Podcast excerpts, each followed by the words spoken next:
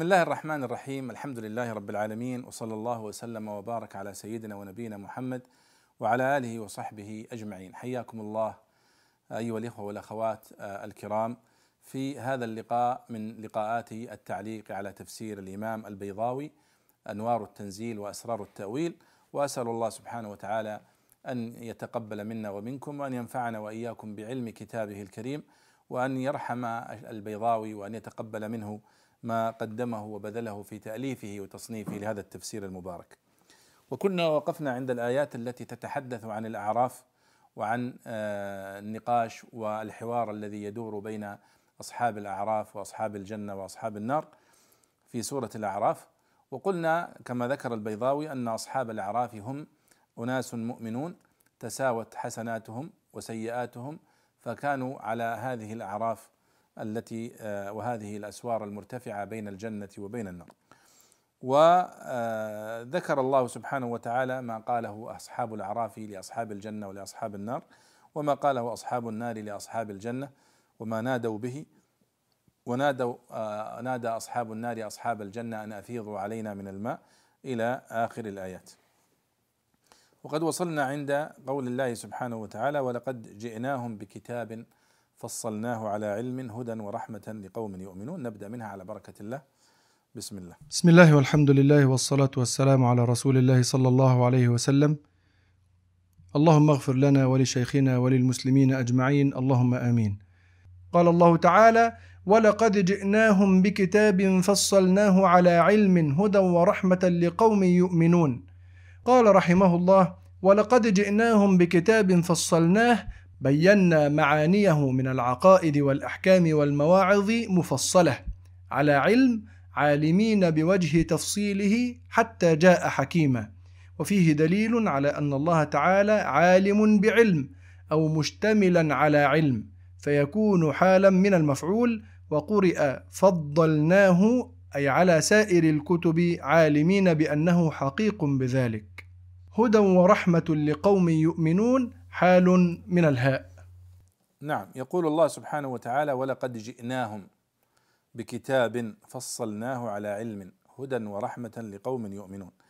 جئناهم بكتاب فصلناه أي بينا معانيه من العقائد والأحكام والمواعظ مفصلة على علم أي عالمين بوجه تفصيله حتى جاء حكيما. والكلام هنا هو عن القرآن الكريم. وفيه دليل على أنه تعالى عالم بعلم أو مشتملا على علم فيكون حالا من المفعول. وقرئ فضلناه ولقد جئناهم بكتاب فضلناه على علم هدى ورحمة. وهذه قراءة بالضاد المشددة بدل الصاد هي قراءة ابن السميفع وابن محيصن والجحدري ومعاذ القارئ. فهي إذا من القراءات الشاذة غير المتواترة. أي على سائر الكتب عالمين بأنه حقيق بذلك. وهذه لا شك أنها شهادة بكمال القرآن الكريم وعلوه وفضله على سائر الكتب السماوية. نعم.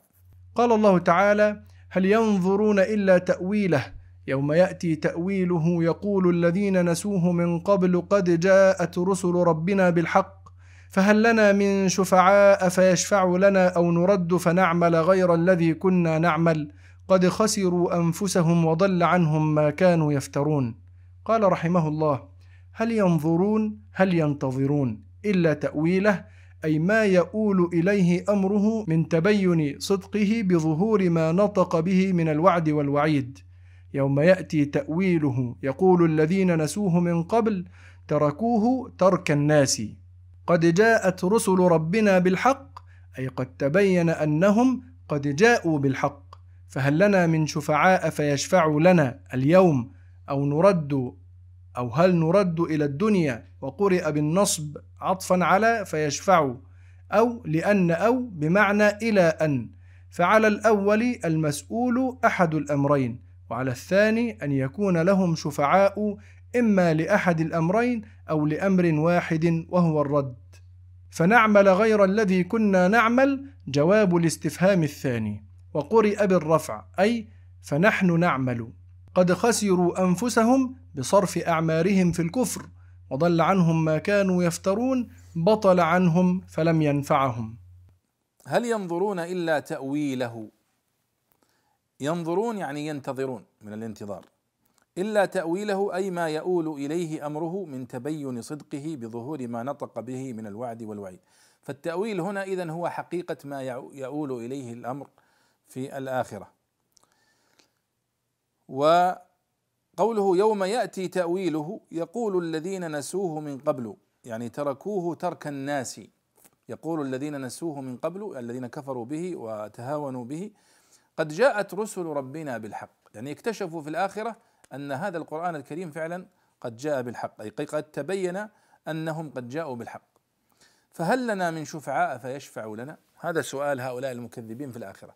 هل هناك من شفعاء يشفع لنا في هذا الموقف العظيم؟ طبعا الجواب لا لا يوجد شفعاء. أو نرد إلى الدنيا يعني. وقرئ بالنصب عطفا على فيشفع. أو نرد أو نرد. هذه قراءتان. أو لأن. بمعنى إلى أن. فعلى الأول المسؤول أحد الأمرين.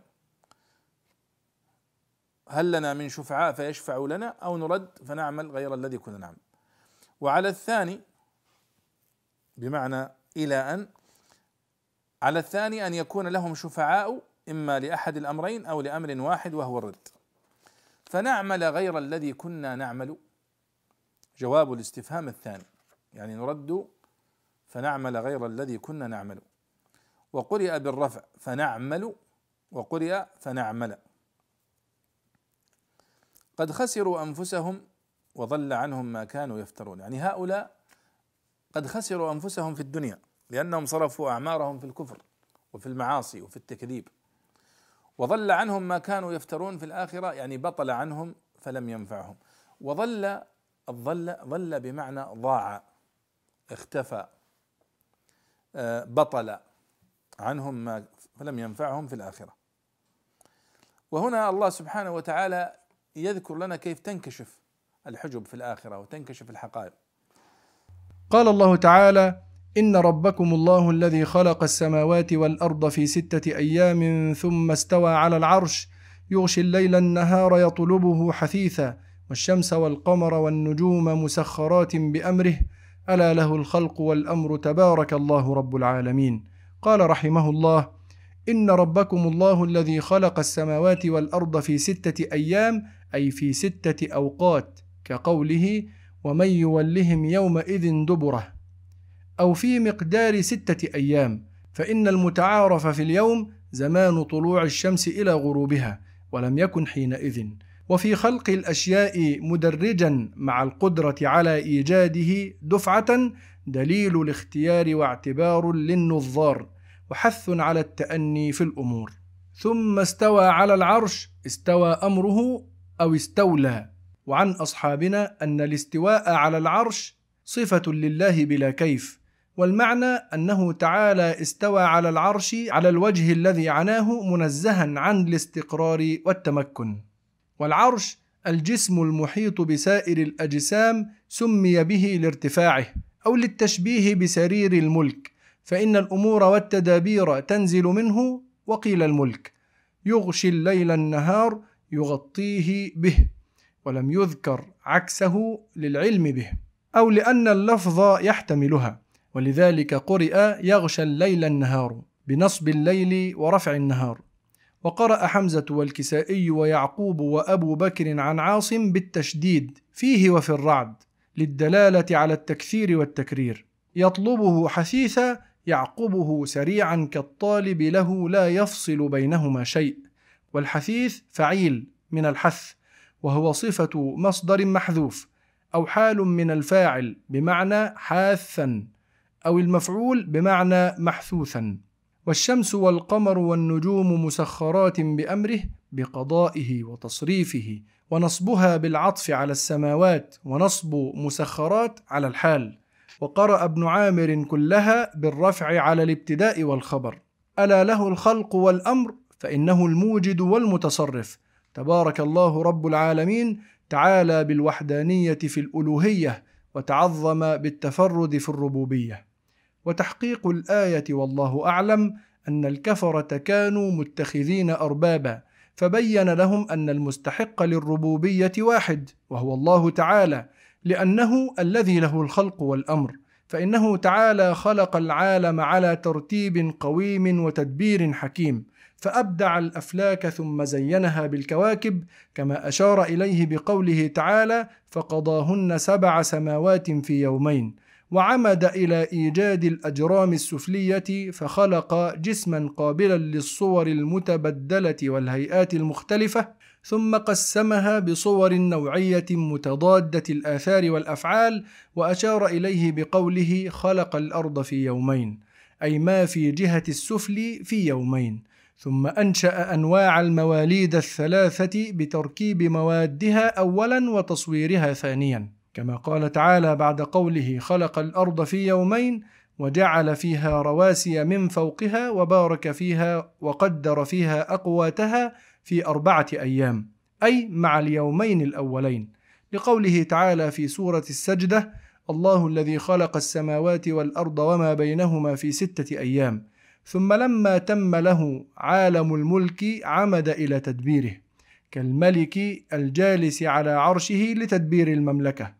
فدبر الأمر من السماء إلى الأرض بتحريك الأفلاك وتسيير الكواكب وتكوير الليالي والأيام ثم صرح بما هو فذلكة التقرير ونتيجته فقال ألا له الخلق والأمر تبارك الله رب العالمين ثم أمرهم بأن يدعوه متذللين مخلصين فقال ادعوا ربكم تضرعا وخفية إنه لا يحب المعتدين قال رحمه الله أدعوا ربكم تضرعا وخفية أي ذوي تضرع وخفية فإن الإخفاء دليل الإخلاص.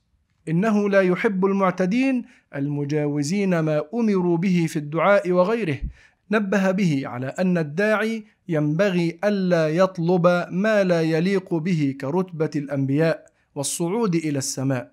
وقيل هو الصياح في الدعاء والإسهاب فيه. وعن النبي صلى الله عليه وسلم سيكون قوم يعتدون في الدعاء وحسب المرء أن يقول اللهم إني أسألك الجنة وما قرب إليها من قول وعمل وأعوذ بك من النار وما قرب إليها من قول وعمل ثم قرأ إنه لا يحب المعتدين.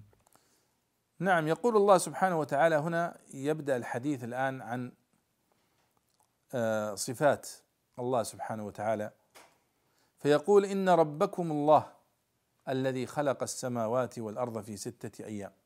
أي في ستة أوقات. يعني ليس المقصود باليوم هنا هو اليوم الاصطلاحي الذي نعرفه اليوم. نحن اليوم نعرفه أنه 24 ساعة. هذا مقياس حديث. يوم وهو يوم تغيب فيه الشمس وتطلع فيه مرة أخرى هذا يوم 24 ساعة. لكن الله سبحانه وتعالى يقول خلق السماوات والأرض في ستة أيام. طيب قبل السماوات والأرض قبل خلق السماوات والأرض ما كان فيه هذا المقياس اللي هو الشمس والقمر وت... وت... فإذا ستة أيام قال ستة أوقات. كقوله تعالى ومن يولهم يومئذ دبره يعني في ذلك الوقت. أو في مقدار ستة أيام فإن المتعارف في اليوم زمان طلوع الشمس إلى غروبها ولم يكن حينئذ يعني قبل خلق السماوات والأرض ما كان في حاجة اسمها يوم. وفي الخلق الأشياء مدرجا مع القدرة على إيجاد دفعة على إيجاده دفعة دليل الاختيار واعتبار للنظار وحث على التأني في الأمور ماذا يريد البيضاوي أن يقول؟ يعني أن في ضمن بيان دلائل وجود الخالق سبحانه وتعالى وكمال قدرته دليل الاختيار أيضا والحث على التأني في الأمور على سبيل الإدماج. يريد أن يقول البيضاوي هنا أن الله سبحانه وتعالى خلق السماوات والأرض في ستة أيام. والله يقول إنما أمره إذا أراد شيئا أن يقول له كن فيكون. هل معنى ذلك أن الله لم يكن قادرا على أنه يخلق السماوات والأرض بقوله كن في لحظة؟ الجواب بلى الله على كل شيء قدير. طيب لماذا خلق السماوات والأرض في ستة أيام اذا نقول قال هنا هو دليل وحث على التأني في الأمور أنه تعليم من الله سبحانه وتعالى لخلقه على أن يتأنوا في الأمور ويعطوا الأمور حقها الذي تستحقه فالله على أنه على كل شيء قدير وقادر على أن يخلق السماوات والأرض بكلمة إلا أنه لم يفعل ذلك وإنما خلقها في ستة أيام حتى تأخذ حظها آه، في الخلق. فإذا قال وفي خلق الأشياء مدرجا يعني متدرجا مع القدرة على إيجاده دفعة قادر على أن يخلقه في لحظة. دليل الاختيار واعتبار للنظار أي للمؤمنين. وحث على التأني في الأمور. ومثل ذلك أيضا على سبيل المثال الحمل. الحمل الله سبحانه وتعالى قادر على أنه يخلق الإنسان في أسرع من تسعة أشهر.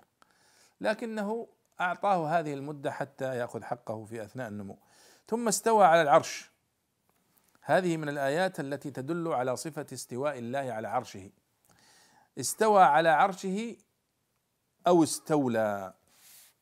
أيوة نأتي الآن عند هذه الآية. يقول البيضاوي ثم استوى على العرش استوى أمره أو استولى. وعن أصحابنا إما أنه يقصد بالأصحاب هنا الشافعية على المذهب الفقهي وهذا مستبعد أو أن يقصد الأشاعرة على المذهب العقدي وهذا الذي يظهر. وعن أصحابنا أن الاستواء على العرش صفة لله بلا كيف. والمعنى أنه تعالى استوى على العرش على الوجه الذي عناه منزها عن الاستقرار والتمكن. والعرش سنعود طبعا إلى هذا سنعود الآن له. والعرش الجسم المحيط بسائر الأجسام سمي به لارتفاعه أو للتشبيه بسرير الملك فإن الأمور والتدابير تنزل منه. وقيل الملك فاذا العرش العرش هو السرير. الذي يجلس عليه الملك. يقال له عرش. وهنا يقول هو الجسم المحيط بسائر الأجسام سمي به لارتفاعه أو للتشبيه بسرير الملك. فاذا استوى على العرش. الله سبحانه وتعالى وصف نفسه بأنه استوى على العرش. فماذا يصنع العلماء؟ قالوا استوى معناها تأتي في اللغة بمعنى على استوى بمعنى على وتأتي بمعنى ثبت وتعني بمعنى استقر وتأتي بمعنى قصد. فإذا استوى تأتي بمعنى على وارتفع واستقر وثبت آه، آه، وقصد. طيب هنا استوى على العرش. ثم استوى إلى السماء. استوى إلى بمعنى قصد. استوى على بمعنى ثبت وعلى واستقر. والعرش هو مكان الجلوس أو السرير الملك. فإذا الله سبحانه وتعالى يقول استوى على العرش. إذا نحن نقول ثبت وعلى واستقر على عرشه سبحانه وتعالى فهو مستقر على عرشه مباين لخلقه. والأحاديث قد ثبتت في هذا والآيات صريحة في هذا. قد ورد أكثر من ست آيات تقريبا أو سبع آيات وردت في ثبوت أن الله استوى على العرش. البيضاوي هنا استوى أمره أو استولى. هذا هذا تفسير من يحرف أو يحاول أن ينفي هذه الصفة عن الله سبحانه وتعالى. ويرى أنه ينزه سبحانه وتعالى عن الحاجة إلى أنه يجلس على عرش أو غيره كما يعني يحدث للمخلوقات. وأن الله غني عن العرش. ونحن نقول نعم الله غني عن العرش وغني عن كل المخلوقات. لكنه هو أخبرنا أنه استوى على العرش. فالموقف الصحيح هو ما ذكره البيضاوي أخيرا هنا. قال أن الله استوى على العرش على الوجه الذي يلي يليق بجلاله سبحانه وتعالى. من غير تكييف ولا تعطيل ولا تشبيه ولا تمثيل. بس. فهو يقول هنا أنه استوى على العرش على الوجه الذي عناه. يعني يليق به منزها عن الاستقرار والتمكن. اذا نحن نقول نحن نثبت صفة استواء الله على العرش من غير تكييف ولا تمثيل ولا تشبيه ولا تعطيل. على الوجه الذي يليق بكماله سبحانه وتعالى. وبجلاله. هذا هو مذهب أهل السنة والجماعة. أما القول بأنه استوى أمره أو استولى فهذا مذهب باطل. وأيضا حتى اللغة لا تدل عليه. لا تجد في كتب اللغة المعتمدة آه، أن استوى بمعنى استولى ابدا. ربما تجدونه في بعض الكتب المتأخرة لكن كتب اللغة المعتمدة لا يعرف العرب استوى بمعنى استولى. لأن الذين ينفون صفة الاستواء يقولون استوى على العرش هي كلمة مجازية معناها استولى على العرش. ومنه قول الشاعر قد استوى بشر على العراق من غير سيف أو دم مهراق. بشر ابن مروان استولى على العراق فقال الشاعر قد استوى بشر على العراق. يعني استولى على العراق وجلس على كرسي الملك في العراق. لكن هذا استشهاد غير صحيح. إن استوى هنا حتى عند في في البيت الشعري قد استوى بشر على العراق المقصود باستوائه على عرشه وجلوسه على سرير الملك وهذا إشارة إلى تمكنه واستقراره في ملكه. وليس بمعنى استولى لأن لو قلنا إن الله استولى على العرش استولى عليه من من؟ من شخص كان يغالبه. والله لا مغالب له سبحانه وتعالى. اذا هذه المسألة ننتهي منها. فاذا استوى بمعنى ثبت وعلى واستقر على الوجه الذي يليق به سبحانه وتعالى والآية صريحة في إثبات صفة الاستواء على العرش والقول بأنه استولى استوى أمره أو استولى غير صحيح. آه، يغشي الليل النهار يغطيه به ولم يذكر عكسه للعلم به يعني لم يقل يغشي الليل النهار ويغشي النهار الليل. أو لأن اللفظ يحتملهما ولذلك قرئ يغشى الليل النهار. بنصب الليل ورفع النهار. وقرأ حمزة والكسائي ويعقوب وشعبة عن عاصم بالتشديد. فيه يعني يغشي. وفي الرعد للدلالة على التكثير والتكرير لأن الليل والنهار يعني يتعاقبان بكثرة. يطلبه حثيثا يعني يعقبه سريعا. كالطالب له لا يفصل بينهما شيء. والحثيث طبعا هو المتتالي المتسارع المستمر. وهو صفة مصدر محذوف يعني يطلبه طلبا حثيثا. أو حال من الفاعل بمعنى حاثا يطلبه حاثا. أو المفعول بمعنى محثوثا طيب والشمس والقمر والنجوم مسخرات بأمره يعني بقضائه وتصريفه ونصب ونصبها بالعطف على السماوات. ونصب مسخرات على الحال. وقرأ ابن عامر كلها بالرفع. يعني والشمس والقمر والنجوم مسخرات. ونصب مسخرات على الحال. وقرأ ابن عامر بالرفع. طيب ألا له الخلق والأمر؟ فإنه سبحانه وتعالى الموجد والمتصرف. تبارك الله رب العالمين تعالى بالوحدانية في الألوهية وتعظم بالتفرد في الربوبية. ثم يقول البيضاوي وتحقيق الآية والله أعلم. وهذا طبعا من النوادر أن البيضاوي يعلق على الآيات تعليق طويل. هذه من النوادر. وتحقيق الآية والله أعلم أن الكفرة كانوا متخذين أربابا. فبين لهم أن المستحق للربوبية واحد وهو الله تعالى. لأنه الذي له الخلق والأمر. الخلق المقصود به الربوبية والأمر الألوهية. يعني الربوبية لأنه هو الذي خلق السماوات والأرض وخلق كل البشر وخلق الجميع. هذا الخلق. والأمر هو هو الذي له الحق أن يأمر وينهى. لأنه هو الذي خلق فهو الذي يأمر. خلق فهو الرب. أمر فهو الإله الذي يستحق أن يطاع. هذا معنى لأنه الذي خلق أو لأنه الذي له الخلق والأمر.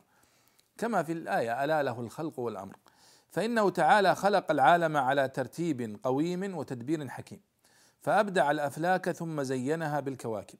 كما أشار إليه بقوله تعالى فقضاهن سبع سماوات في يومين وعمد إلى إيجاد الاجرام السفلية فخلق جسما قابلا للصور المبدلة والهيئات المختلفة ثم قسمها بصور نوعية متضادة الآثار والأفعال وأشار إليه بقوله خلق الأرض في يومين.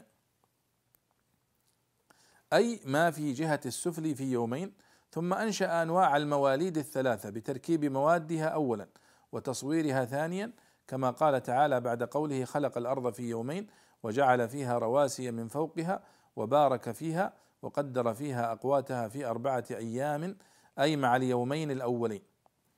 لقوله تعالى في سورة السجدة الله الذي خلق السماوات والأرض وما بينهما في ستة أيام. ثم لما تم له عالم الملك عمد إلى تدبيره. كالملك الجالس على عرشه لتدبير المملكة فدبر الأمر من السماء إلى الأرض بتحريك الأفلاك وتسيير الكواكب وتكوير الليالي والأيام. ثم صرح بما هو فذلكة التقرير ونتيجته فقال ألا له الخلق والأمر تبارك الله رب العالمين. ثم أمرهم بأن يدعوه متذللين مخلصين فقال ادعوا ربكم تضرعا وخفية إنه لا يحب المعتدين. يعني ادعوا ربكم تضرعا وخفية أي ذوي تضرع وخفية فإن الإخفاء دليل الإخلاص إنه لا يحب المعتدين. لاحظوا الآن أن البيضاوي رحمه الله يعني أعاد شرح هذه الآية في قوله سبحانه وتعالى إن ربكم الله الذي خلق السماوات والأرض. فإذا هو أثبت لنفسه الخلق. ثم استوى على العرش يغشي الليل النهار يطلبه حثيثا والشمس والقمر والنجوم مسخرات مسخرات بأمره. ألا له الخلق والأمر. تبارك الله رب العالمين. يعني هذه الآية على يعني وجازتها اشتملت على حقيقة في غاية الأهمية وهي أن الله هو الخالق لكل شيء. وهو سبحانه وتعالى المتفرد بالخلق وهو المستحق أن يتفرد بالعبادة. ثم قوله ادعوا ربكم تضرعا وخفيا إنه لا يحب المعتدين أي المتجاوزين ما أمروا به في الدعاء وغيره. نبه به على أن الداعي ينبغي ألا يطلب ما لا يليق به. هذا يعتبر من التجاوز في الدعاء والاعتداء. يطلب ما لا يليق به مثل كرتبة الأنبياء أو الصعود إلى السماء. وقيل هو الصياح في الدعاء والإسهاب فيه. وكلاهما صحيح فالتجاوز والاعتداء في الدعاء يدخل فيه هذه الصور.